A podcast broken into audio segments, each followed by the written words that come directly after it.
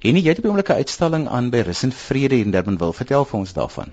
Hallo Johan. Ja, dit is 'n groot uitstalling wat definitief ehm um, plek spesifiek is. Ek het die werk gemaak spesifiek vir die galery, maar dit is na aanleiding van 'n groot projek wat ek in Indonesië gedoen het waarna ek die afgelope paar jaar gewerk het. Dit is baie interessante werk want dit is keramiek en dit lyk soos blomme, dis pypies. Dis heeltemal anderster as die as die teepotjies waarna so gewoond is.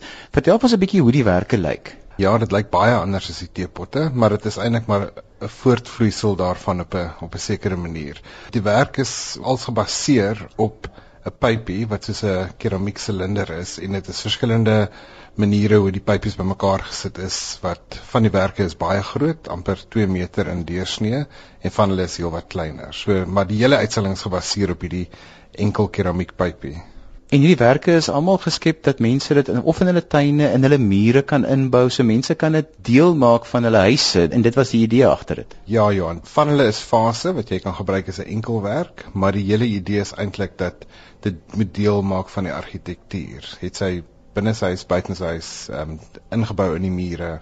En hierdie uitstalling is 'n uitvloeisel van 'n uh, projek wat jy gedoen het vir 'n hotel. Dit is 'n baie interessante storie. Ja, ek het so 4 jaar gelede genader deur 'n Amerikaner wat in Indonesië bly al vir die afgelope 20 jaar. Hy het 'n hotel gebou en hy het die hotel vergroot en toe het ek baie groot panele vir hom gedoen en toe na aanleiding van daai panele wat ek gedoen het, het hy my so 2 jaar terug weer genader en gesê wil ek nie kom met een of ander konsep vir die vergroting van die hotel nie en dit was toe nou hierdie wonderlike reis waarop ek was met ehm um, hierdie installasies van keramiekpypies. Van die installasies is my ongelooflik interessant. Jy het 'n boek wat daarmee saam uitgekom het waar mense kan sien van hulle is selfs um, watervalle. Vir sommige van hulle is deel van fonteine en dit word in die tuin ingewerk. En die werk waarvan ek vreeslik baie hou is die werk wat ook uit pypies uit bestaan en dit dit lyk amper vertel ons daarvan. Jy sal dit beter kan beskryf as ek. Ja, nee, daai spesifieke werk is eintlik die eerste werk wat ek ontwerp het vir die nuwe gedeelte in die hotel en dis in die spa gedeelte en dis 'n 10 meter lange waterwerk wil ek amper sê en daarvoor het ek um 1000 pypies gemaak van verskillende groottes wat almal geglasuur is en wat in die water geïnstalleer is. En 'n interessante deel daarvan, toe ek die werk um ek het dit als hier in Suid-Afrika gemaak hier in Durbanville en dit toe oor verskeep en die uiteindelike toe dit klaar gekrat was en als was dit meer as 'n ton wat hier oor oorgevlieg het in Indonesië toe en dit ek het daar weer als dit mekaar uitgehaal en geïnstalleer in die water.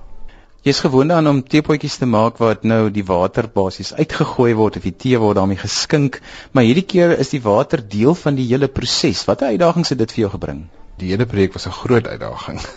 Ehm um, ja, dit was interessant te, ook te kon werk met die argitek en dan te besluit hoe hoe werk die water saam met die werk. So hierdie pypies is almal individueel gemaak en dan se gate ingemaak sodat dit wanneer dit reën, dat die pypie nie sou vol word en die water sou sleg raak nie. So die die water kan uit die pypie uitloop en die water loop ook dan deur die pypie. So dit was 'n baie interessante projek in daai opsig. Van die werk wat ek gesien het, werk met die tema van blomme en dit word sulke groot blomme wat jy buitekant kan neersit, want dit is nogal baie interessant. Weet jy, aantoe ek gewerk het in die werk vir die hotel, was was die sirkels soos mandalas wat in die muur ingebou word wat dan ook van voor en van agteraf moes funksioneer want hulle was in die muur wat jy van beide kante kon sien. En terwyl ek daaraan gewerk het, omdat het, omdat ek plat gewerk het, het dit vir my begin lyk soos blomme. Dit was nooit die aanvanklike gedagte nie, maar dit was 'n idee en toe vir rust en vrede het ek spesifiek gewerk dat dit moet voel as jy daar instap dat jy in 'n tuin instap. So daarom ook in die galery is die mense wat sou gaan kyk, het ek die galery uitgelê met gras en dan is hierdie goed bo op die gras gesit. So jy kyk af daarop. So dit dit het amper van self ontwikkel in blomme in. En hierdie wêreld het skielik begin agterkom dat hier in Suid-Afrika goeie en eintlik wonderlike keramiek kunstenaars is. Waar kom die skielike belangstelling in Suid-Afrikaanse keramiekkuns nou op internasionale vlak vandaan? Dis 'n interessante vraag Johan, want ek dink dis baie waar. Maar ek dink in Suid-Afrika was daar nog altyd so van hierdie hinkering na keramiek en ek dink wat ons anders maak as ander lande, veral die Europese lande, ek dink omdat daar nie so ernstige tradisie is van keramiek spesifiek nie, is daar so van 'n edge hier en veral in die Weskaap wat ek dink die res van die wêreld wat jy dit nie noodwendig gaan kry nie. En ja, op 'n manier het mense um te hore gekom van ons en daar is nou baie wat aan die gebeur is. Waar kom jou spesifieke belangstelling in keramiekkuns vandaan? Ja, ek is in 1984 was ek 'n uitrol student in Australië. En die jaar toe ek daar was, moes ek weer skool toe gaan om my matriek basies oordoen en toe ek die dag na die skool toe moet gaan, toe kom die rotariërs na my toe en sê, "Maar dit is baie jammer, maar die skool wil my nie aanvaar nie want ek is 'n wit Suid-Afrikaner." Toe die enigste plek wat my toe sou aanvaar was die plaaslike tegnika en nie die kunsdepartement.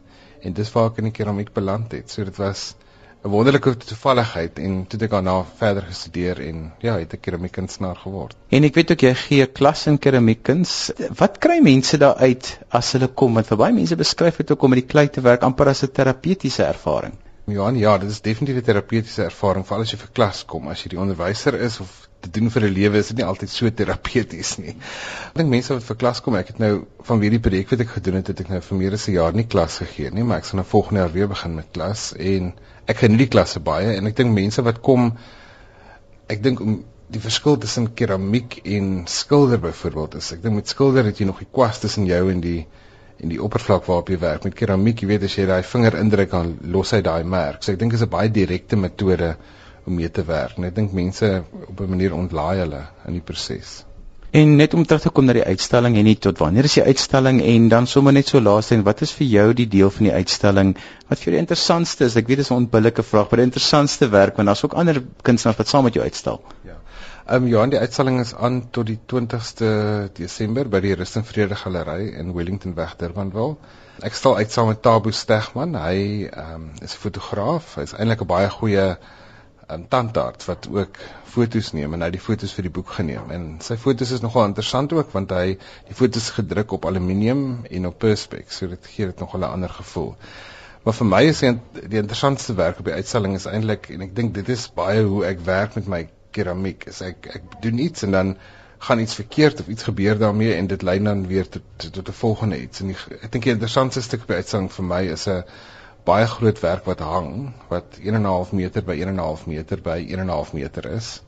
Ehm um, en dit het gekom van toe ek die pypies gemaak het, amper wil ek sê die offcuts van die pypies wat ek begin gebruik het en ek is gefassineer met veelvoude. So toe ek nou al die goedjies begin toe ek dit so begin maak en dit lê daar, toe dink ek hoe kan ek dit aan mekaar sit? En uiteindelik het ek nog 4000 van hierdie goedjies ekstra gemaak en toe hierdie groot hangende installasie gemaak wat ek dink baie interessant is as jy dit sien.